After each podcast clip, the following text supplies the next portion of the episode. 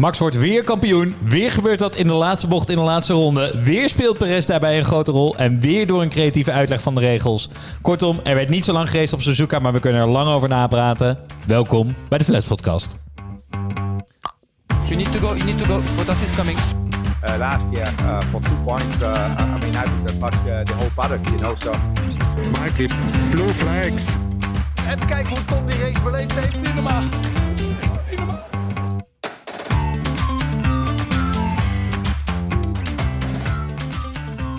Hey, hallo allemaal. Welkom bij de negentiende aflevering van de Flash Podcast in dit tweede seizoen. Een heel bijzondere aflevering, deze aflevering.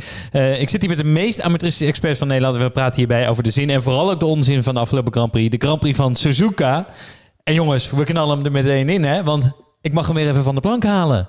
Eh, zo groot als de climax vorig jaar was, zo anti was de climax dit jaar. Maar Max is kampioen geworden. Max, Max, Max, super Max, Max, super, weer, Max, hoor. Max, Max, super Max, Max, super, super Max, Max, Max, super Ah, Max, nou, het was eh, eh, nog geen jaar geleden dat we ook met elkaar zaten dit te vieren. Eh, wat ik al zei, het was nu toch wel even op een, een iets andere manier. Wat vonden jullie ervan? Hoe, even, we gaan zo kijken naar alle details, wat er gebeurd is, et cetera. Maar gewoon, hoe voelen we ons erover? Volgens mij loopt hij trouwens nog, de supermarkt. Ja, dat is lekker toch? Verrassing, de hele aflevering gaat deze jingle eronder. Onwijs eh, gave prestatie en tegelijk de grootste anticlimax die ik ooit gezien heb in de hedendaagse sport. Ik kan het echt niet... Nou, precies dat. Eh, Ja, heel mooi dat hij weer gewonnen heeft. En, en als je naar de race kijkt, was het geweldig. Alleen, wat in godsnaam is daar gebeurd? Gaan we het zo over hebben. Maar gewoon eh, een tweevoudig wereldkampioen. Kan niet ieder land zeggen hè, dat je die afvaardigt. Ja, het is geniaal. Deze man eh, heeft nog, ook nog zoveel jaren voor, voor, voor zich om dit nog verder uit te bouwen. Het is echt, eh, echt geweldig. Ja, ik vind het, eh, ik vind het vet. Het is, je ziet het gewoon natuurlijk in, in slow-mo al aankomen sinds de zomerstop. Dus in die zin, het, het was de vraag wanneer die ging vallen. Maar het is toch lekker dat hij in de tas is, vind ik. Ja, hij was gewoon zoveel beter dan de rest dit jaar. Eh er stond geen maat op Max. Ongelooflijk. En Nee, en het team. Ook heel consistent en geen fouten maken. Wanneer dachten jullie dat het gebeurd was? Peet, Peet nog vijf wel? Ik heb het, eh, ik heb het nou, best wel ruim voor de, voor de zomerstop eh, geroepen. Maar als je bedenkt dat hij in de eerste twee races van de drie een DNF had, is dit gewoon echt, eh, ja, echt letterlijk ongelooflijk. Het is, dat het is zo niet, snel Het is gebeurt. niet vaak dat het, dat het met zoveel races te gaan nog, nog Precies. klaar is. Volgens mij was Vettel het laatste keer. En wanneer, wanneer hadden jullie het dan eh, gisteren door? Want eh, daar zit ook nog wat variatie in. Hè? Wanneer er bij iedereen precies het kwartje viel dat hij kampioen was. Nou ja, bij dat, toen hij weg werd geroepen bij het interview, denk ik. Toen had ik het pas door. Want eh Viaplay had bij mij eh, ook niks door. Maar ook de teams hadden niets door. Dus ja, het was, eh, het was voor iedereen behalve de Via duidelijk. Ik zat Engels commentaar te kijken, had het ook niet door. Nou, ik, ik, en toen die cooldown room, ik denk, nou nee, het is nog steeds niet zo. Ja, ik moet eerlijk toegeven, ik heb dus niet live gekeken. Oh. ik heb even een half uurtje later Hallo. ben ik opgestart. Dus ik had al mijn chats had ik op mute staan. En toen is er toch één chatje doorheen gekomen met... is hij nou kampioen of niet? Toen dacht ik, godverdomme. Maar daarmee was het eigenlijk nog niet verklapt. Nee, dat klopt. Maar ja, nee. Dus ik begreep er eigenlijk nog steeds niks van na die race. Want ik had even, ja, dus nee, de, de verwarring was er bij mij eigenlijk al vanaf moment één. En ik heb hem dus niet uitgezet tijdens die rode vlag. Dus ik heb heel lang gekeken. Ik moet wel heel eerlijk bekennen, ik zat niet om zeven uur voor de tv. Dat is, eh, ik, zat, eh, ik had mijn uurtje niet? verslapen. Ja, ik had het personeelsfeest eh, zaterdagavond. Dat was nogal gezellig. Ja. Hallo, we zijn Peter en Piem, we hebben een Formule 1 podcast. en de race waarin die kampioen wordt, kijken we niet. Kwam ik even goed weg. Jongen, jongen. Ik heb die drie rondes gekeken en daarna kon ik mooi eentje doorspoelen. Ja, dat is wel lekker. Ik heb dus niet doorgespoeld. Ja, ik, ik ging voor de full experience, ging ik. Ja, dat snap ik. Ja, eh, oké. Zou ik wel ook toegeven, heb ik ook gedaan eigenlijk. Ben ik nou de enige die om zeven uur klaar stond? Ja, maar jij hebt het niet afgekeken. Ik heb hem niet afgekeken. Nee. ik ben bij die rode vlag maar weer gaan slapen. Nou, dat, dat beloof wat Nee, voor deze aflevering. Inderdaad, wij mogen eigenlijk helemaal geen podcast meer maken. Hey jongens, terwijl wij even een glaasje champagne openen eh, en een glaasje pakken, eh, stel ik jullie even voor. Ben ik net helemaal vergeten in de euforie. Ik zit hier met Bernard, Pien en Peter. Gewoon de full big band bij elkaar voor deze bijzondere aflevering. Ehm, en we gaan, eh, ja, ondanks dat we geen recht van spreken hebben, denk ik, gaan we toch maar verder. En eens eventjes kijken naar wat voor race we naar hebben zitten kijken, toch? Let's go. Let's go. Ja, zoals altijd beginnen we dan eventjes met een terugblik op de race in zijn algemeenheid. En eh, dat is een vrij lastige. Ik denk dat iedereen wel gekeken heeft die zit te luisteren ondertussen of een samenvatting heeft gezien. Zij wel. Maar toch even heel kort. Want ik kan deze race in drie woorden samenvatten. Complete chaos. we hebben het gehad over Circus Ferrari. We hebben het gehad over Circus Red Bull. We hebben het gehad over Circus Mercedes. Maar alles valt werkelijk waar in het niet bij het Formule 1 circus dat door de FIA is opgevoerd gisteren. Want oi oi oi, het was al chaos bij de start. Regent keihard, maar die FIA vergeet de regenband te verplichten. Eh, ze zijn ook vergeten om een tractor aan de kant te parkeren overigens in die eerste ronde. Eh, ze rijden een rondje, dan kan het toch weer niet. Iedereen weer naar binnen. De teller gaat wel lopen doordat ze dat ene rondje gereden hebben. En er gebeurt twee uur lang niks. Krijgen we een korte race van 50 minuten. Met overigens veel verwarring over het moment van afvlaggen. Max had pas halverwege zijn outlap door dat hij gefinished was. En dan weer chaos, omdat de opeens nu wel heel snel straffen kan uitdelen. Charles krijgt 5 seconden. En vervolgens door heel creatief boekhouden met punten. Want iedereen dacht dat ze halve punten zouden uitdelen. Maar ze hebben om onafvolgbare redenen toch volle punten uitgedeeld voor deze race. Krijgt Max vervolgens super onverwacht die titel, terwijl hij al lang en breed uit die auto is. Eh, dat hoort, daar gaan we straks eh, gaan we daar verder over praten. eh, wanneer we Max behandelen. Eh, maar ik, ik kijk even terug op die race, jongens. En ik zeg, briljant gedaan van de FIA. Want wij zagen dat wereldkampioenschap van Max al van mijlenver aankomen. Maar zij weten het zo te twisten dat er toch iets heel onverwachts in zit. Wat jullie? Ja, het is apart dat de mensen die de regels maken eigenlijk zelf niet weten hoe het in elkaar zit, lijkt. Dus wat inderdaad doe je nou met zo'n regen? Moet je nog een rondje extra rijden? Het zijn allemaal best wel logische regels, maar op een of andere manier krijgen ze het toch nog niet voor elkaar om het, eh, om het goed toe te passen. Maar het is, eh, zeg maar, ook al weten zij wel hoe het moet, ze weten in ieder geval niet tegen de teams te communiceren hoe het moet. Niemand wist het. Niemand wist het. En van de puntentelling, zeg maar, ja, ik? ja, ja, van de puntentelling ook. En ook überhaupt van, van de, wanneer de vlag viel. Want als een team als Red Bull en weet ik het wat ook niet weten of het nou een einde van een race is of niet, dan gaat, dan gaat er toch wel heel Ja, erg iets mis in die communicatie. Trouwens, wist je dus dat Ferrari, die was, was een van de weinigen die dus wel wist dat het checkered flag is. Want die hebben dus een geautomatiseerd radiosysteem. Eh, en die, die zei dus checkered flag toen het moest. Oké, nou, Ja, dan zijn grappig, zij hè? eh, op dat vlak eh, hun tijd vooruit. En Ja. voor de rest van de Formule 1 Op basis van vooral AI. niet. En die hebben alles geautomatiseerd Behalve- natuurlijk op strategiegebied. Vond ik een verrassing. maar het, is, het is natuurlijk wel echt eeuwig zonde. Ze hebben ons verrast. eh, ze hebben mij verrast. En tegelijkertijd missen we door deze, door deze chaos wel echt heel mooie stukjes commentaar bij hele legendarische momenten. Want Maar- dat Perez, Volgens, eh, volgens mij eh, werd ook, Leclerc, niet, het werd ook niet uitgezonden dat Max over de finishlijn kwam, toch? Toen hij ook dat werd gemist. Eh, maar dat eh, Leclerc, of sorry, Perez Leclerc aanvalt, cruciaal in de titelstrijd, eh, is, Vet. heeft niet het commentaar wat het verdient. Dus eigenlijk heeft niets de goede voice-over. Je moet eigenlijk opnieuw gaan opnemen. Komend weekend. Gewoon Ja. nog een keer naar Japan, opnieuw opnemen. Ja, en dan, want als je kijkt hoe we... Ja, vorig jaar was misschien iets te, te veel spanning Ja. en te Mm. veel ontlading. Maar dit was toch wel... Het was niet eens een ballon die leeg liep. Het was een ballon die al leeg was. En dan nog een soort van laatste zuchtje op. Pff. Oh ja, hij is wereldkampioen. Nou, dat vond ik dus het mooie, want er was dus heel erg veel verwarring. En toen opeens, toen was er een soort van in die verwarring dus gezegd, hij is wereldkampioen. En toen zag je dus opeens al die visuals ook overal van wo- world champion en zo. Terwijl Max wist het dan nog steeds niet, maar je zag dus wel dan op de achtergrond overal al dat hij wereldkampioen was. Terwijl hij zelf stond daar een beetje van, hm, ik weet niet wat er aan de hand is. Ja, Nou, het was een rare... Het was echt een hele rare... Wat jij zei, P, ik heb nog nooit gezien in een moderne sport. En ook denk ik de eerste Formule 1 wereldkampioen... die het eh, niet weet op het moment dat hij over de finishlijn komt. Nee. Ja, en ook nadat hem verteld werd, heeft hij ook nog een keer getwijfeld. Omdat mensen waren zo wantrouwend. Nou, we hebben, we hebben Massa natuurlijk room. gehad, hè? In, eh, weet je dat nog? Ja, dat- maar toen Dat wisten, we, ook- toen wisten we het wel. Toen Ja, wij Hamilton- wel, maar oh. daar in de garage bij Ferrari wisten ze het nog niet. Nee, ja, dat was ook een, een rare situatie. Hey, ik zat ook te denken, jongens, regenraces. Er was een tijd dat regenraces eh superleuk waren. Maar ik vind ze niet meer zo leuk. Nee. Want eh, die, ik, vind, ik zat te denken, ik vind een droge race is zo leuk geworden met DRS en teams en competitief. Dat een regenrace nu daadwerkelijk minder leuk is. Want er wordt minder gereden. Die banden zijn kut. eh, ze gaan niet van die racelijn af. Dus die races zijn saaier. Nou, zeg maar, ik denk dat er een verschil is tussen een regenrace en een, regen, en een race in een tyfoonseizoen in Japan houden. Hè? Want dat is precies waar, welk seizoen ze hier... ra- Waarom gaan ze niet in april lekker hier racen? En dan kan er misschien één drupje regen vallen. Maar ze doen het gewoon in het tyfoonseizoen. Ja, dan kan je wel verwachten dat, dat je drie uur moet wachten totdat je weer door kan. Ja. Twee. Nou, twee regenraces op een rij vind ik ook wat veel. Ik moet wel zeggen, het blijft wel omstandigheden waar echte coureurs zich onderscheiden van de rest. Maar ja, dat twee uur wachten en, en eh, al, de, al de gezeur eromheen, dat, dat was wel wat veel gisteren. Ik vind het voor de fan helemaal niet meer leuk. Ik heb het liever gewoon een droog weerrace. Wordt genoeg ingehaald tegenwoordig. Het is spannend. Nee, je hebt het minder nodig. Kijk, een beetje een, een half drupje tijdens een wedstrijd is leuk. Want dan worden alle strategieën omgegooid en dan kijk je dat. Maar dit slaat nergens op. Half trupje. Half trupje. Half trupje graag volgende keer. Een half trupje. Ik vond wel die McLaren-engineers die de het Uno aan het spelen waren... vond ik dus wel, wel een heerlijk vermaak om naar te kijken. En wie heeft dat al gewonnen? Ja, ja, Krijgen we dat de nog een keer te horen? Dat is echt de vraag. Maar ja ik, ja, ik weet ongeveer niet eens meer waar ik moet- op in moet gaan... omdat er zoveel chaos was, Eigenlijk. Nou, dan eh, waar, je, waar we misschien wel eventjes op in moeten gaan voordat we verder gaan met de aflevering. Waarom moeten we eigenlijk in godsnaam nog Formule 1 blijven kijken nu we weten dat hij kampioen is? En belangrijker, waarom moeten mensen de Flats podcast blijven luisteren? Nou, dat kan ik jou heel goed vertellen. Want we zijn ooit deze podcast gestart met eh, dat wij eigenlijk de, de achterhoede wilden bespreken. Nou was het toeval dat er een Nederlander in de Formule 1 zat.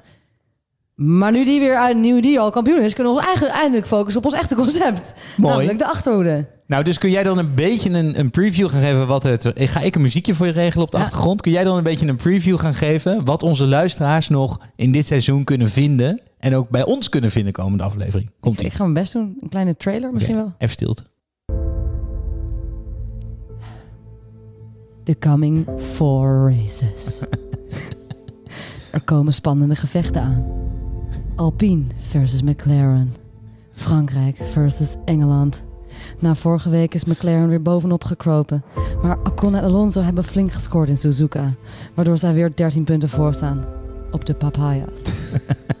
Alfa Romeo 52. Aston Martin 45 punten. Waar we nog van mogen genieten van Vettel.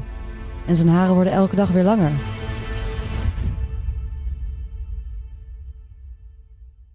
Komt Hulkenburg nou eindelijk weer terug? Hoe zal Ricciardo zijn exit gaan inluiden? Wordt hij dan toch een Hollywood-acteur? Gaat Williams dan nog echt puntjes scoren? En hoe vaak gaat Latifi nou nog spinnen? We gaan het allemaal zien in de komende vier races. In de komende vier afleveringen van de Flats Podcast. Blijf vooral luisteren. Want Max is kampioen en dat boeit ons helemaal geen rumoer. Dus we gaan gewoon weer door met ons echte concept.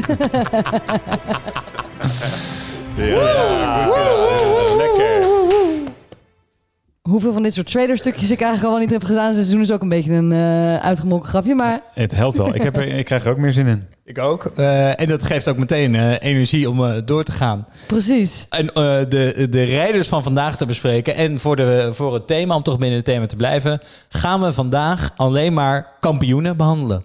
En dan beginnen we toch wel gewoon lekker bij Max. Peet.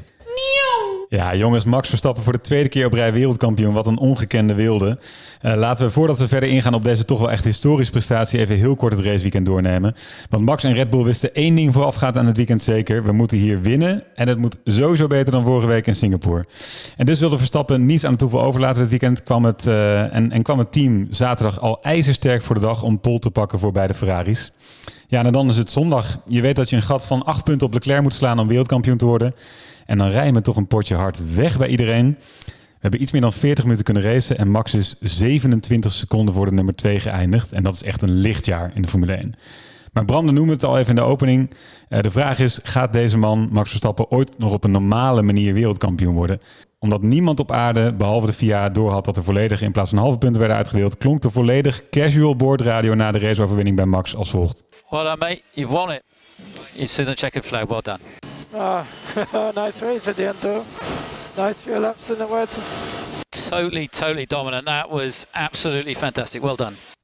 Yeah, luckily we got the race. The fans uh, deserve that. Uh, fail 84, please, Max. Fail 84. Veel 84. Veel 84. Veel 84. Er is hier gewoon net iemand wereldkampioen geworden voor de tweede keer zijn carrière. Maar niemand heeft het door, inclusief zijn eigen team. En het duurt eigenlijk nog tot de post-race interviews... dat Max erachter komt eh, dat hij daadwerkelijk wereldkampioen is geworden. En, eh, en dat ging als volgt. Dat ging eh, ook vrij klungelig. Eh, luister even mee. Of course, it would have been great to win it here, but uh, we have a great opportunity, of course, for, for next race. Yeah, well, have a have a good break before we go to the next race. Well, done.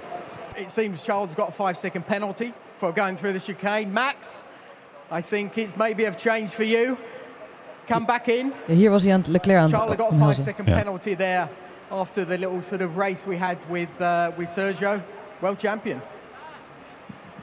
Well, what can I say? Oh. Weet je nog dat wij vorig jaar die laatste ronde van Crofty hebben Ja, laten horen? ja, ja, ja. ja, waar ja. ik nog steeds kippenvel van kan Ja. krijgen als ik die luister. En dan moet je dan dit Die fragment... Dat is zetten. nu dit fragment. Ja, Ja, dat is nu dit fragment inderdaad. Oh man. Denk je dat er een paar werknemers van Ferrari zijn stage gaan lopen bij de FIA? Nou, waarschijnlijk. Bij Japan? Max World Champion. Nee, dus dit was eh, een, een, een- ja, een grote anticlimax. eh, eh, maar niet eh, minder speciaal. Eh, jongens, Max, eh, we gaan straks nog even iets langer hebben over zijn tweede wereldtitel. Eerst toch nog even over de race. Eh, Max liet eigenlijk eh, geen enkele twijfel bestaan over eh, wie er de beste is, toch? Nee. Nee, oppermachtig. Een seconde per rondje weggereden hè, bij Leclerc, gemiddeld. Ja, 26 seconden voor de rest is hij geëindigd. Ja, waanzinnig. Want Bernard, jij, jij liet mij ook nog een foto zien gisteren van eh, het verschil van de bandenstaat van Max en Leclerc na de race. Ja, die van Leclerc waren helemaal op. eh, en die van de Verstappen die kwamen net uit de verpakking. Eh, het, was, het verschil was eh, dag en nacht. Dus dan zie je eigenlijk ook... eh, Leclerc heeft natuurlijk ook wel wat moeten verdedigen met Perez.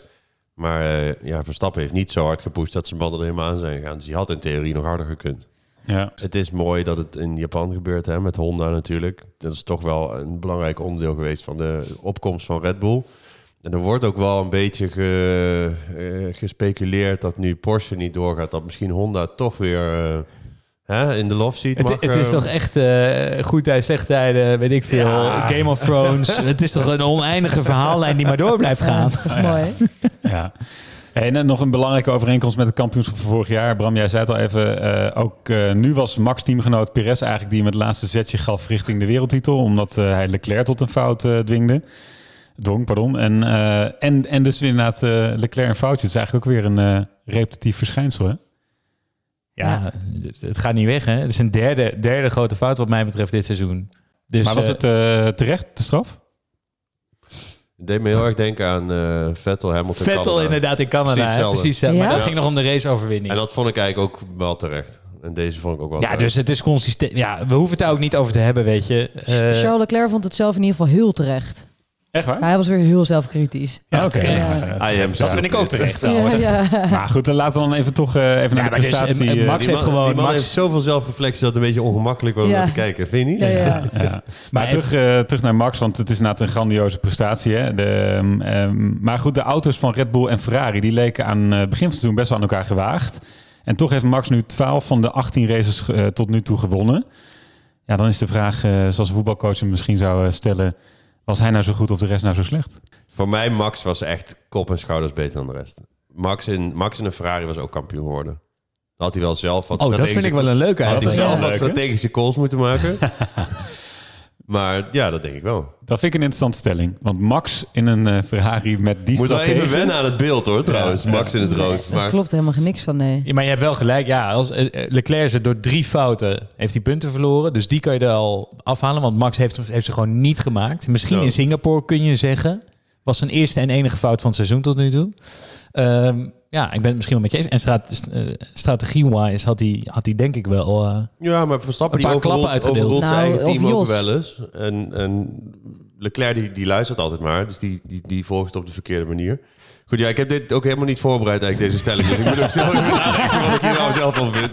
Eh, Maar is, is, is Max beter dan vorig jaar? Is hij nog beter Ja, geworden? Max, Max, Max is, gisteren, is, is vorig jaar geworden wie hij nu is. Tuurlijk. Dus hij is nog beter. verder gegroeid. Ja, joh. Ja, joh. Ja, joh. Kan hij nog verder groeien? Of is dit het dan? Ik zou niet weten hoe je nog beter kunt functioneren. Hey, weet je dat hij vandaag heeft gezegd dat hij, eh, hij heeft nog een contract tot 2028. Dat hij niet zeker weet of hij daarna nog in de Formule 1 blijft. Ja, dat zei hij Dat al. is al best wel bold om te zeggen na dat twee zei hij al vanaf zijn eerste wereldkampioen. Zei hij al, ik vind één wereldkampioenschap is voor mij genoeg. Ik heb het gewoon gehaald en ik heb het bewezen. Is dat niet een beetje gewoon zijn, eh, zijn voorkomen ook? Dat het hem allemaal niet zo heel veel uitmaakt? Hoort dat niet bij het misschien. wat hij probeert Dat, dat, neer te denk ik, dat ben ik wel met je eens. Ja, Ja. maar hij gaf aan dat hij ook andere dingen wil proberen, wil bedoel, proberen in de autosport. Wat Ra- wordt het soort Michael... Doet ook, doet ook al twintig jaar alsof het hem niet boeit. Maar die is ook tot zijn veertigste gebleven. Toch? Ja, maar dus, ja, ik weet het niet. Ik, ik zie het hem nog wel doen ook eigenlijk. Maar ik geloof, ik geloof wel dat de meeste titels en zo, dat boeit hem niet zoveel. Maar die, deze gast al vanaf dat hij drie maanden oud is, zit hij in, in een kart. Dus ik vraag me af, die weet niet wat hij anders moet doen. Of wat gaat hij doen dan als hij Auto- thuis zit? Nee. Andere raceklasses doen. Dat denk ik echt. Hij houdt gewoon alleen maar van autorijden. Dus hij wil gewoon alles hebben gedaan, denk ik. Oprecht. Ik denk als hij Formule 1 een beetje... Vindt, heeft hij het op een gegeven moment wel gezien. Nou, is hij een paar keer kampioen geworden... en dan gaat hij op een gegeven moment gaat hij iets anders proberen. Ja, Ik dat zou zonde zijn. Hij kan een, een ultiem icoon worden in deze sport. Ik wou net zeggen, ik denk dat hij die acht wil pakken. hij kan de greatest of all times worden. Ja. Elke race gaat hij ervoor. Er is geen enkele race waar je hem dus niet het maximale eruit ziet halen. Nee, dat klopt. Eigenlijk zijn de komende vier races de test daarvoor, hè? Ja. ja. Ja, of je het echt zo leuk vindt om te blijven rijden. Ja? Ja, dat is voor het eerst. Ik denk het wel hoor. Ja. Ik- En nog even een quizvraag, eh Bernard. Jij begon al over eh, wanneer was er voor het laatst een coureur die zo vroeg kampioen werd? Ja, Vettel. Ik denk 11. 2014. Schumacher had ooit nog vijf races te gaan. Verstappen nu nog vier. En met hem waren dat ook Nigel Mansell, Sebastian Vettel en nogmaals Schumacher die met nog vier races op de, eh, op de kalender eh, al kampioen waren. Vettel werd eh, in zijn eerste seizoen bij Red Bull... eh, of de eerste keer wereldkampioen in de laatste race. En de tweede keer wereldkampioen was in Suzuka. Op 9 oktober. Mooie overeenkomst. 2011 dus. Elf jaar later doet Max precies hetzelfde. Ja. Nee, maar het is, eh, het is ongekend. Het doet me een beetje denken inderdaad aan Schumacher. eh, de- aan de laatste paar titels van hem. Het doet me ook een beetje denken aan Hamilton. Eh, ja, het is pas de tweede titel. Genoeg naar Max. We gaan eindelijk weer naar de achterhoede. ja, want we, zijn er, we hebben hem al eventjes kort genoemd. En we blijven bij de kampioenen zoals beloofd. Want eh, op P6 is geëindigd Sebastian Vettel. Ja, want Vettel is gek op Japan en Japan is gek op Vettel. Eh, het was namelijk een emotioneel weekend voor de man. eh, die elke week dus nog langer haar lijkt te krijgen op een of andere manier. Eh, emotioneel was hij omdat het zijn laatste keer racen was in Japan. En een emotionele rollercoaster door het weekend heen. Want hij begon al sterk in de kwalificatie... waar hij voor het eerst sinds Azerbeidzjan weer Q3 wist te halen. Eh, dus hij start vanaf P9 denk je, yes, let's go. Maar voor de val van de rode vlag leek het eigenlijk even allemaal mis te gaan. Want hij was goed weg, maar op een gegeven moment zat hij, kon hij nergens meer heen. Was hij aan het aquaplanen, had hij contact met Alonso. Hij spinde en stond ineens laatste. Nou goed, rode vlag viel, best wel massa voor hem. Tweeënhalf uur later heeft hij een beetje een goede strategie weten te, te kokkerellen met zijn, met zijn team. En na de restart was hij samen met Latifi een van de eerste die is geswitcht naar de Inters. Dit plannetje die hij met zijn team had gemaakt, die was goed uitgepakt. En hij stond neem weer in de top 10. Tegen het einde kwam hij Alonso weer tegen. En de kampioenen die streden hard voor P6. En ik heb denk ik na de race nog nooit zulke mooie beelden gezien... van een fotofinish in de Formule 1. Ze reden letterlijk naast elkaar de finishlijn over. En uiteindelijk was het toch Vettel die op 0,01 seconde voorsprong P6 heeft gepakt. En ook hij wist eventjes niet zo goed wat er aan de hand was. En dat hoor je in zijn bordradio. P6. The end of the race. I didn't know the race. What is it now? The end Is of the over or race. is still racing? Over. I cannot hear shit. If that was the last lap, I don't. I no, I'm so lost, man. Where are we? Japan? Suzuka? Where are we, Japan? dus in alle chaos heeft hij dus, weet hij dus nog een grapje te maken, maar goed. Eh, hij heeft zich toch wel weer een beetje bewezen, toch? Als eh, vol Ja. icoon in en in, op en buiten de baan. Hij houdt van Suzuka sowieso. Hij vindt het een fantastische baan en dat zegt hij ook altijd. Ehm, ja, goede race. Als je in zo'n slechte auto zesde wordt, dan ben je goed. Ik wou net zeggen, het valt misschien niet zo op in een Aston Martin, maar dit is eigenlijk dus nog steeds een van de betere coureurs op de rit. Als hij, als hij dit soort dingen laat zien. Ik hou graag even jullie vast aan de woorden die jullie nu zeggen. En als we dan straks bij ons laatste punt komen, dan herinner ik jullie hier graag weer aan. Wat, wat wel zo is, is Vettel is altijd, altijd wel de eerste die switcht naar of naar Inters of naar Slicks. Die vindt het fijn om voor, daarvoor in vooruit te lopen. En dat heeft hem, wat je net zegt, al heel erg geholpen deze race. Nou, ergens was die spin zijn grote redding. Door die spin ligt hij achteraan. En doordat hij achteraan ligt, kan hij Risico nemen. zonder enige risico inderdaad... eh, gewoon stoppen voor die intermediates. Die dus, eh, weet ik veel, 88 seconden per ronde sneller waren dan die wets. Waardoor die er veel eerder op stond dan de rest. Waardoor die dus zesde wordt. Maar gaan we dus, eh, kunnen we dus eigenlijk wel concluderen dat de, dat de, de full wet is echt een klote band. Als je in je... Precies. Als jij nu je auto weg moet brengen voor nieuwe banden... en ze zeggen, zullen we de Pirelli's onderdoen voor het regenseizoen? Ik zou nee zeggen. Maar daar moeten ze toch een nieuwe band voor ontwikkelen, zou ik zeggen. Ja, dat is toch een, het is een schande, joh. Het is Zoveel langzamer. Het is echt ongelooflijk. Nou goed. Ja, de intermediate die voert niet genoeg water af. Dus die is eigenlijk te gevaarlijk. En de full wet eh, voert ook eigenlijk niet genoeg water af voor de grip, maar te veel voor, om slecht zicht te veroorzaken. Ja, want het is een badkuip per seconde dat er achteruit komt, hè? Ja. Dat meten ze in badkuipen. Ja, dat meet ik in badkuipen. maar eh zij zullen Vet- het waarschijnlijk op 83 liter per seconde afrekenen. Maar die Vettel was wel echt fan van het circuit, hè? Die was zaterdag was Hij toch er- echt hij een monoloog aan het houden. This track is so much better than the other ones. Dat is, eh, ik weet niet of hij... Hij is groot fan, maar ik weet niet precies Japanse- waarom. Japanse vrouw misschien of zo. Nou, weet je wat ik wel zat te denken? Nou zijn we in, eh, in Zandvoort geweest met allemaal misdragingen. Nou zijn, waar zijn er meer misdragingen Oostenrijk. geweest? Oostenrijk. Monza. eh, Monza. Dus de Italiaanse fans, Nederlandse fans, allemaal ellende. En dan kom je in Japan. Nou, dat was toch genieten hoe met, hoe, met gewoon verkleden en that's it. Ja, vreugde. Het was wel echt een Ja, blije bedoeling. Was Gewoon het daar, blij. ja. Dus Ja. ik snap het eigenlijk wel. Gewoon leuke fans. Oh, je denkt dat hij het daarom zo leuk vindt. Maar ik, ik heb ook het idee dat hij het circuit nogal vet vindt. Ja, hij vindt de kwalificatie op Suzuka vindt hij het leukste van het hele jaar. Dat komt omdat hij dan eh, meer het gevoel krijgt alsof hij aan het karten is. Dus alsof hij echt aan het vliegen is, zegt hij.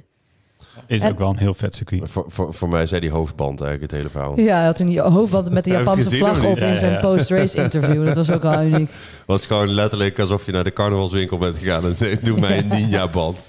Hey jongens, we dwalen af. En dat is eigenlijk een heel goed eh, punt. Want we zijn halverwege onze punten. En we gaan ook naar de rubriek Buiten de Baan.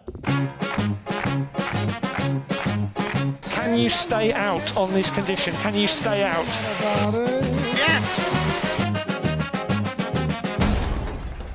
Ja, de rubriek Buiten de Baan waarin Pien elke week punten voor ons meeneemt... die zich buiten de baan hebben afgespeeld in de Formule 1. En Pien, wat heb je nu voor ons? Ja, jongens, het is vers van de pers. Want het is vandaag pas binnengekomen en er is heel veel om te doen geweest. Abram die heeft het een beetje gedownplayed, maar er is eindelijk een update van de FIA gekomen over de cost cap breach or to breach or not to breach. Want wat is nou gebleken vandaag? De FIA heeft een uurtje of twee geleden een statement naar buiten gebracht dat Red Bull inderdaad de cost cap heeft infringed. Dus ze zijn onder de 5% zijn ze boven hun budget uitgekomen. Sorry, dat is echt de slechtste uitleg. De slechtste uitleg op aarde. Nee, ik ze, snap ze, hebben gewoon, ze hebben gewoon te veel uitgegeven. Dus eh, daar komt het op neer. Ik Hoeveel? probeer het nog een beetje in half in Engelse termen. Staat het hier ook op mijn scherm. Nou, Hoeveel precies, Pien? 145 miljoen was de kostcap. En ze hebben dus vijf, rond de 1 of 2 miljoen is nu eh, wat er gezegd wordt. Maar in ieder geval maximaal 7 miljoen hebben ze te veel uitgegeven. En dat is een minor breach. Dus je hebt een verschil tussen een major en een minor breach. En als je onder de 5% van je budget te veel hebt uitgegeven... dan krijg je dus een kleinere staf. En een major breach is echt, wow, all hell is loose. Eh, dus ze zitten nog wel aan de goede kant. Eh, maar ja, ze hebben dus wel gewoon echt te veel uitgegeven. Nou is dus Maar welke straf krijgen ze? nou, dat is dus nog onduidelijk, maar er zijn een aantal opties. Ik heb ze voor jullie op papier gezet. Optie 1 is een deduction of drivers and constructors championship points. Dat zou dan wel heel grimmig zijn. Dan vraag je af over welk seizoen gaat dat dan? Dat is dus onduidelijk. Eh, Maar dit seizoen is prima. dit seizoen kan prima. Dan Ja. moet hij opnieuw de kampioensrace gaan rijden. Misschien was het daarom ook zo'n anticlimax. Ik weet het niet. Zou heel dat mooi zou zijn. nu mooi zijn trouwens. Ja. Maar het waarschijnlijk vorig seizoen. Dat de- ja, dat, dat denk ik. Eh, suspension from one or more stages of a competition. Dus ze hebben het heel vaag gehouden allemaal. Oké, Limitations. dus nog vier races geschorst. Ook prima. Ja, minder, vroeg op vakantie. Ja. Precies, ja. Minder tijd in de windtunnel. Eh, of dus het bedrag dat je nu te veel hebt uitgegeven... mag je volgend jaar minder uitgeven. Doe maar die of laatste. een reprimande, maar ik denk het Het niet. klinkt alsof dit nog een soort van draft-versie is van wat... eh, Ah, ze hebben er gewoon niet zijn. goed over nagedacht. Dat is dus weer wat hier overduidelijk wordt. Ja, de straf wordt nog even over onderhandeld nu achter de schermen. Ja, net, ja, precies. Maar heeft Red Bull gereageerd? Red Bull heeft zeker gereageerd. Eh, en dan vraag je je af, oeh, met welke hele moeilijke technische verhalen gaan ze komen... waar Pien helemaal niet, eh, eh, geen kennis van heeft. Maar hun argument was gratis lunch. Wat zeg je? Gratis lunch. There is no such thing as a free lunch. Well, Red Bull, there is such a thing as free lunch. En dat is, heeft ervoor gezorgd dat zij iets te veel centjes hebben uitgegeven. Want Christine Horner is naar buiten gekomen met een statement... dat ze dus elke dag voor meer dan duizend werknemers... een gratis lunch hebben geboden. En dat kost je... eh, Nou, Bram, jij bent een eh, consultant, dus... eh ta-ta-da-da. Hoeveel per dag per persoon? Eh, we kwamen uit op een tientje per dag. Tientje per dag per persoon. Nou, eh, Chique con- lunch. conclusie is dat we allemaal bij Red Bull moeten gaan werken, Ja. denk ik. Want dan krijgen we gewoon een hartstikke lekkere lunch. Eh, maar goed, Ja, het is zo'n blikje Red Bull is al snel 3,50 natuurlijk. Dus ja, als je dit daar drie van neerzet. Ja, snap je? Dan zit je al snel op die 10 euro. Dus goed, ehm, al met al, het is weer een beetje, wordt een beetje gedownplayed. Dat dat dan weer de grootste... Ja. Ze hebben ook verzuim gezegd als een van de grootste. Maar wat denk je dat andere teams daar geen last van hebben, weet je wel? Maar bij, bij, bij, bij Haas nemen ze dan allemaal een boterhammetje kaas mee naar het werk. Dat denk ik wel, ja. Eh, tenminste, als het aan Christian Horner ligt, dan wel, ja. Ja, Ja, maar maar het is, ja, en moet je het ook meenemen voor de coureurs? Ja, dat wordt dus extreem. Nee, die tellen niet mee met de kostcap. maar als Oh, dit, als dit, als dit de reactie, als dit de officiële reactie is van Red Bull, dan, dan, dan, dus weer, dan, dan vrees ik wel dat ze een straf krijgen. De vraag is alleen welke straf. En vorig jaar zat er tussen Max en Hamilton acht punten. Dus eh 7,5 is natuurlijk no way, no way dat ze daar iets Nou, mee we, doen. we hopen Ja. zeven punten. Ja. punt straf voor Verstappen. En de Nou, laatste, sorry, de laatste, Aston Martin zou ook iets hebben overtreden, maar dat zijn alleen maar procedure, procedurele. Die hebben gewoon hun papieren niet goed op orde gehad. Dus dat is helemaal met een sisser afgelopen. Dat was hem. Kunnen we het in deze rubriek dan nog heel even hebben over die pornokamer waar Max werd ontvangen om zogenaamd zijn wereldkampioenschap te vieren? Heb je dat gezien? Ja, het was zo ongemakkelijk. Hij wordt weggetrokken uit die cool-down room en moet in een soort... Ja, stond echt een rode sofa met een heel vies kleedje eroverheen. En moest hij daar eens eentje gaan zitten. Er was een kamer naast de cooldown room gezet voor de Oh, World ja. Champion als een soort troon. En hij werd daar dus ingezet in die verwarring van of, of hij kampioen wordt of niet. Was de, oh ja, je bent wel kampioen. Toen zei hij, "Huh, echt? Serieus? Oké, nou, random. Toen werd hij dus in die stoel geplaatst. Toen zat hij daar in zijn eentje. Terwijl dus ehm, Leclerc en Perez, die zaten dus in die kamer naast hem met z'n tweeën. En toen zat hij daar met zijn eentje van... Wat doe ik hier? eh, Welke idioot heeft dat bedacht? ja, maar goed. Geen idee. Eh, wij gaan weer snel terug naar op de baan, want daar hebben we veel meer verstand van. Eh, en we komen bij de volgende kampioen en dat is Alonso. Op plek 7 vinden we Fernando Alonso. Twee keer wereldkampioen. Al met al een sterk weekend voor hem. Tijdens de kwalificatie zaten ze er ook al goed bij. Tweede tijd naar Q3. Eh, dan de race zelf. Initiële start. Mooi gevecht met Hamilton. De een haalde de ander in. De ander haalde de een weer in. Maar ja, zoals we allemaal hebben gezien. Vrij snel eh, schoof Sainz af. Rode vlag. Sommigen van ons draaiden zich nog een keer om. Met de Mercedes om en om P4 tot P7 in de eindstand... kun je eigenlijk wel concluderen dat Alpine eh, ja, best hard liep dit weekend. En ze zaten, er, ja, ze zaten er gewoon weer goed bij. Vorige week dus dubbel DNF. Nul punten. Zoals Pien al zei, McLaren eh, heeft daar goede zaken gedaan. Maar als de Alpine niet kapot gaat... is het eigenlijk best wel een snelle auto. Dat is voor, voor mij ook een beetje de conclusie van Alpine voor dit seizoen. Eh, als hij het doet, doet hij mee. Als hij stuk gaat, dan niet. De potentie is eruit, zeg jij. Eindelijk. We hebben er een seizoen op gewacht. Zo. Ja, maar inderdaad, als ze meedoen, dan zijn ze eigenlijk helemaal niet zo ver van Mercedes af. Eh, maar ja, Mercedes is dan weer tegenovergesteld. Die gaan eigenlijk nooit kapot. En dat is dan ook de reden dat ze ongeveer twee keer zoveel punten hebben. Ehm, ik kreeg wel het idee dat de regisseur liever wilde dat ik het over Hamilton ging hebben vandaag. Want ik, voor mijn gevoel heb ik eh, 20 ronden zitten kijken naar Hamilton... die bijna Ocon ging inhalen. ja. En dan op de achtergrond zag ik een heel mooi gevecht tussen Vettel en Alonso. Ik denk, nou, doe me die ook maar eventjes. Wat ik eigenlijk nog leuker vind om over te praten, als we het over Alonso hebben, is de soort van bromance tussen Max en Alonso. Is je dat ook opgevallen? Ja, nee, zeker. En hij heeft, maar Alonso heeft nu ook een filmpje opgestuurd, geloof ik, naar Max eh, online. Ja? Oh, dat hebben we nog om hem te feliciteren en eh, helemaal, eh, ja. Het is wel heel leuk. Elke keer als je Max dus voor een camera ziet, staat Alonso ernaast als een soort trotse vader. Vaak heeft hij ook een, een hand op zijn schouder of zo. Misschien ja, met Jos nu wat minder gaat, dat eh, Alonso als een soort stiefvader nu eh, eh, eh, hè, zijn eh, Het zou, oprecht, neemt. het zou oprecht zijn vader kunnen zijn, toch? Hoe oud is Alonso? 42. Ja, scheelt 15 in. Max is 22. Dit is wel nogal een roddel, hè? Eh, nee, maar ja, d- dat valt me inderdaad ook op. Eh, dus elke keer eh, als er een, een, een eh, microfoon aanstaat, dan zegt hij: Goh, het is zo goed wat Max heeft gedaan. Eh, eh, en ja, ik vind, het, eh, ik vind het heel leuk om te zien. Ik denk dat hij ook een beetje van zichzelf in Max ziet. Allebei een kampioen ontroond. Hij Schumacher, eh, eh, Max dan Hamilton. En ze hebben natuurlijk allebei echt een hekel aan de Britse pers. Ik wilde net zeggen, want een eh, gedeelde vijand, die... die... Dat maakt vrienden, ja, dat maakt vrienden, Ja. ja. Hey, en Peter, jij zei dat ze ook precies gelijk staan in wereldkampioenschappen en races. Als je uitgeappt bent. We wachten wel even. Ja, nee, ik zit niet te appen. Ik zit even te kijken hoe oud die gasten zijn. Maar er zit 16 jaar tussen, 25 en Nou, 41 dat zeg ik jaar. het als ze vader kunnen zijn. Ja, en, eh, maar inderdaad, allebei nu twee wereldkampioenschappen. Allebei 32 races gewonnen. Eh, Max heeft alleen eh, 16 jaar eerder bereikt. Eh, ik moet zeggen, Alonso's laatste raceoverwinning is ook een tijdje geleden. Dus die had het ook al wat eerder bereikt. Maar nu, eh, we, we zitten wel weer even in de categorie How can I make this about Max? Dus even Ja. terug. Tuurlijk, Even, hey, je moet deze aflevering toch een beetje over Max laten gaan, of niet? Hierna is het klaar namelijk, hè jongens? Nee, ik ben wel heel blij dat hij blijft nog. ik, vond die, ik vond het heel bazig van Alonso dat hij nog even stopt vijf minuten voor het einde. Ja. Ja. Ik denk, wat hebben ze nou bedacht, man? En het, het komt dus op 0,01 seconden ook bijna goed. Ja, dus je mist 0,01 de, de eh, P6 en op een duizendste de snelste ronde. Lekker net niet dus weer voor Alonso. Lekker, ja, dus het hele seizoen al. Eigenlijk is het gewoon een beetje net als deze race. Anticlimax.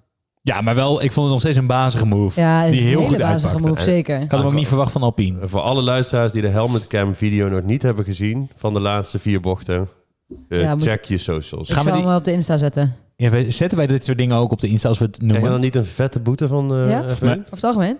Ja? Oh, eh, goed bezig. Is dit een stukje live feedback? Dat ik Like. niet genoeg op de social media zit? Maar jongens, eh, nog 13 punten Alonso op Ocon, Ocon. En dat zou ik toch wel vet en terecht vinden als Alonso Ocon nog even pakt. Heel goed punt. Ik vind dat Ocon dus echt meer credits verdient. We, we, we zijn inderdaad bij een Fransman beland. En dat brengt ons eh, bij de lekenvraag van de week. Uh, Michael, I just send you an email um, with the diagrams where the car should be. Did you receive that? Uh, yeah, then you should maybe look at this because there is something with the rules coming up. Ja, de lekenvraag van de week, waarin Peter elke race een vraag beantwoordt van een luisteraar. En de vraag van deze week is, eh, dat gaat over die tractor. Dat is eigenlijk een meer serieus puntje. Eh, maar waarom maakte iedereen zich nou zo druk om die tractor, Peter? Ja, we zagen Pierre Gasly zich inderdaad enorm opwinden nadat de race was stilgelegd. Wat is er nou gebeurd? Na de race werd snel duidelijk dat eh, de regen te hevig was om verder te gaan. Mede omdat eh, meerdere auto's van de baan raakten en Carlos Sainz tegen een muur reed. En daarop volgde een safety car. Gasly lag echter verder daarachter, omdat hij ook al gepit had door eigen schade. En op redelijk, redelijk hoge snelheid reed hij onder gele vlag richting het punt waar Sainz in de muur stond.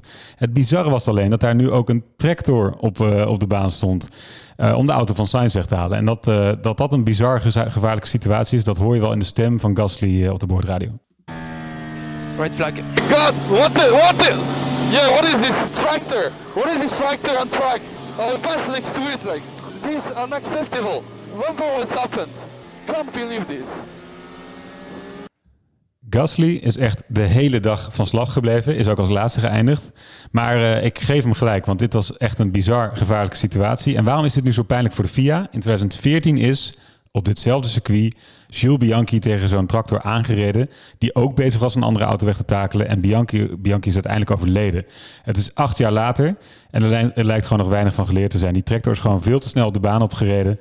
En het meest bizarre feit is eigenlijk ook nog wel dat, dat Gasly nog eh, een berisping heeft gekregen van de FIA. Omdat hij te snel zou hebben gereden onder die rode vlag. Terwijl dat eigenlijk pas een fractie eh, van de seconde voordat hij bij die tractor aankwam eh, te zien was. Dus Gasly is zich echt een hoekje geschrokken en is echt extreem kwaad op, op de FIA. En dat was eigenlijk een van de grote fouten van de FIA die we gisteren gezien hebben. Ja, je, denkt dat het allemaal wel, redelijk veilig is, maar het is inderdaad maar acht jaar geleden. En dat was ja, gewoon iemand die echt overleden is. Formule 2 was, is dat twee jaar geleden nu? Drie jaar? Dus eh, ja, het kan zomaar weer gebeuren. En eh, dus ja, zo'n tractor is gewoon levensgevaarlijk, want daar zit geen crashbarrière in. Die staat in één keer stil. Ja. Eh, ja. Het is wel de reden dat de Halo is ingevoerd, die crash van Bianchi. Is dat de reden geweest toen? Ja. ja maar zou de Halo het tegenhouden? Het is... Ja, Oké, ben benieuwd. In, in het specifieke geval van Bianchi. En, en er zijn dus, eh, je zou aantoonbaar drie of vier levens al gered door die Halo. Dat zeker. Dus het is niet voor niks geweest, gelukkig. Ja. Ja. Hey, dat was eh, een meer serieus puntje, maar goed om even te behandelen, denk ik. En eh, wat duiding te geven. Eh, wij gaan wel verder met de aflevering. En we gaan stoppen bij de laatste kampioen. En dat is Nicolaas Latifi. Ja, want als we het alleen maar over kampioenen gaan hebben, dan kunnen we natuurlijk Latifi niet achterblijven natuurlijk. want ehm, kijk, ik wil jullie hebben dus net gezegd, in zo'n regenrace komt dan een echte coureur naar voren, hè? In zo'n Vettel. Nou, wat is er nou gebeurd? Die verdomde Latifi, die is gewoon hartstikke in de punten geëindigd. En daar moeten we toch even bij stilstaan. maar niet voordat we eventjes een terugblik hebben gehad naar het begin van het weekend, wat dat begon op zijn Latifi's. In vrije training 1 is hij gespind. In vrije training 2 heeft hij de verkeerde bocht genomen. Waardoor hij gewoon op een doodlopend stukje terecht kwam en gewoon weer de baan op moest. Dus je dacht, nou, dit wordt weer een lekker weekend voor Latifi. Ehm, hij eh, kwalificeerde volgens mij ook als twintigste. Kreeg volgens mij ook nog eens een tijdstraf daarna. Of een gridstraf bedoel ik. Nou, je, je denkt, dit gaat helemaal niks worden. En wat gebeurt er nou?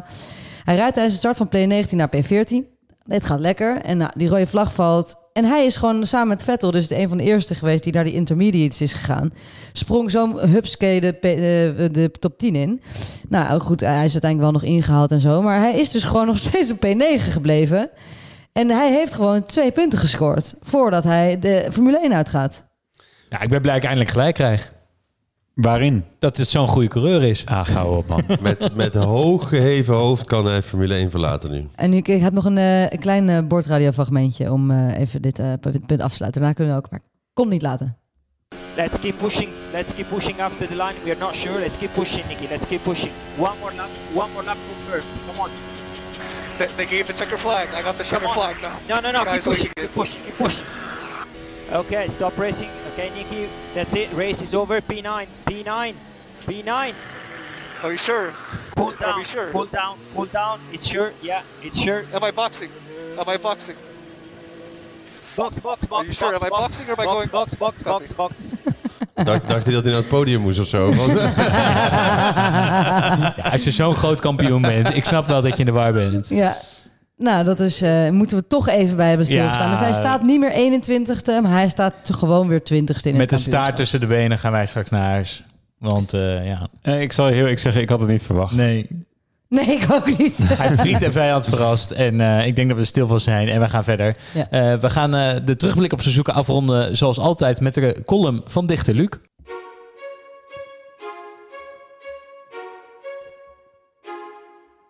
Fernando made it pretty clear. He said you have to leave it the space. All the time you have to leave it the space.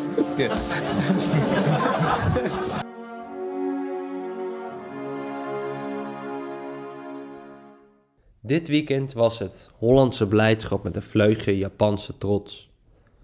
Het was in een knotsgek en nat slot dat Max het kampioenschap afsloot. Een winnaar, op alle fronten.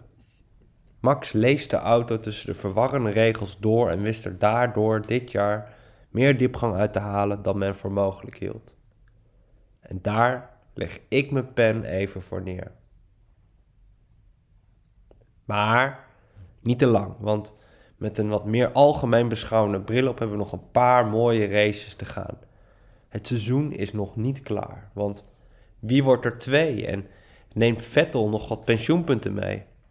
Gaat Hamilton door en blijft Russell Sainz voor? We gaan het zien, we gaan het beleven. Maar nu genieten we gewoon nog heel even van dit succes. Net als Max, maximaal. Nou, en na die mooie woorden waarmee we de terugblik eigenlijk afsluiten waar we mee begonnen. Ja, Happy? inderdaad. Doe het een stuk scherper dan ik in ieder geval. Gaan we alleen nog even vooruitblikken naar de komende Grand Prix. Over twee weken de Grand Prix of the Americas. En wat kunnen we onze luisteraars meegeven hierover? Ja, met alle nieuwe circuits in Amerika zou je bijna vergeten dat er ook nog in Austin geraced wordt. Eh, de eerste van een eh drieluik in de Amerikaanse hemisfeer. Eh, gevolgd door Mexico en Brazilië. Vind ik een mooi woord, hemisfeer. Ja, ik moest er even over nadenken. Je hebt half rond, dat is volgens mij Noord-Zuid. Nee, ja, dat, precies. Ik, vond, ik, vond, ik wist het zeker genoeg dat ik het niet heb gecheckt. Nee. Maar wellicht word ik gerectificeerd Nee, voor neem, de week. neem je tijd, jongens. We zitten helemaal niet over onze tijd. Ehm, wat mij betreft wel echt een ondergewaardeerde baan, Austin, Texas. Ik vind het echt een super toffe baan. Vooral bocht 1. Geweldige bocht. Je kan er op heel veel manieren doorheen. Je kan er met twee doorheen, met drie doorheen. Eh, je ziet de laatste jaren ook vooral ehm, eh, veel tweestoppers. Dus veel strategische gevechten. Net als vorig jaar. Hamilton komt met versere banden. Op de laatste, laatste ronde komt hij in de buurt van Max, maar komt er net niet voorbij. Al met al, ik kijk er naar uit. Wat vinden jullie van Austin? Nou, het is lekker Amerikaans breed. Dus eh, veel ruimte inderdaad sommige bochten kun je op meerdere manieren nemen. En ik kan, nee, ik, ik wilde zeggen, ik kan niet wachten tot, eh, tot de trofeeceremonie Pien in Amerika. Maar ik kan het niet aanzien. Vorig jaar Shaquille O'Neal. Ja, Shaquille, die gekke Was dat auto, dit circuit? Dat was op- ja, dat was in. Austin. dat. Oh ja, en na Miami. Zij moeten nu Miami gaan overtoepen. Ja, Ja, met precies. Miami was het botendebakel en eh, Austin was met Shaquille O'Neal. Dus blijf vooral kijken naar de post-race ceremonie, want dat wordt natuurlijk weer genieten. Dan heb je volgend jaar Vegas nog, om het nog even te Ja, dat wordt, dat wordt echt idioot. overtreffen. Dat wordt echt Amerika en Formule 1 on steroids, wordt dat gewoon. Oké, en gaat, maar, eh, gaat Max nu niet gewoon denken van... yo, in zijn achteruit, cruisen met Latifi, mijn homeboy, Ik achterin. denk, ik denk dat Max volle bak voor heb- elke race gaat. En dat hij ook gewoon volgende week wint. Ik heb die kan, die kan nooit van hem gezien, dat hij Nee. niet probeert te winnen. En anders gaat Jos wel eventjes een hartig woordje met hem spreken. hoor. Staat hij weer zijn eentje bij het tankstation. ja, ja. Ik ben heel benieuwd hoe hij zich gaat gedragen als de spanning eraf is. Dat hebben we nog nooit gezien. Nee, maar ik denk dat hij denk gewoon nog steeds helemaal zijn best gaat doen eigenlijk. Oké. Hey, en voor ons, eh, zeg maar, eh, niet zulke early birds, is het ook goed nieuws. De kwalificatie kijken we op zaterdag om 12 uur s'nachts. Dus Oh. eigenlijk zondagochtend, zeker, zondagnacht. Wauw, wat Enfin. ongezellig. Ja, dat is ongezellig. Aan de andere kant, eh, ja, ik weet niet. Kan je daarna nog weer even uit, weet je. je bent jong, hè, je wil wat. Eh, en de race is om 9 uur s'avonds op zondag. Dus je kan heel mooi je weekend lekker afsluiten. 9 uur op de bank. En dan, eh, ja, Ziek weinig tijd om voor te bereiden. voor ons wel. En dan, dan de, de avond daarna nemen wij op. En dan ga je gewoon luisteren naar eh, heel goed hoe, wat, hoe die race gelopen is. Kijk er naar uit. Toch? Wij sluiten af, denk ik. Want Ja. eh, we hebben alweer lang genoeg eh, geluld. Mocht je tot hier gekomen zijn... Wacht, ik heb een goede outro. Mocht je tot hier gekomen zijn... Heel veel dank voor het luisteren. Volg ons op Instagram via Flatspodcast F1. Eh, de druk is bij ons ook een beetje af. Dus de volgende aflevering wordt superleuk. Dat beloven we. En eh, tot dan. Kampioenen! Hoi. mis geen race, heb scheid aan mijn centen. Ik zie Max zijn mooiste momenten. Hij is de king van Barcelona. Rijdt alles zoek van Spa tot Monza. De geur van rubber en smeltend. Ik juich als Max weer één voorbij knalt. Zijn inhaalacties zijn bijzonder. Het is een baas, een wereldwonder. Yo fucking ho, niet meer normaal. Hij is een held en gaat maximaal. Fucking bizar, een fenomeen. Hij gaat naar de top, Max is de nummer 1. Yo fucking ho, niet meer normaal is een held en gaat maximaal. Fucking bizar, een fenomeen. Hij gaat naar de top, Max is de nummer 1. Bizar! Fucking bizar! Jaren zit je naar dingen te kijken en te open. En daar is hij. Max stap in de laatste boot, in Barcelona. Jongen!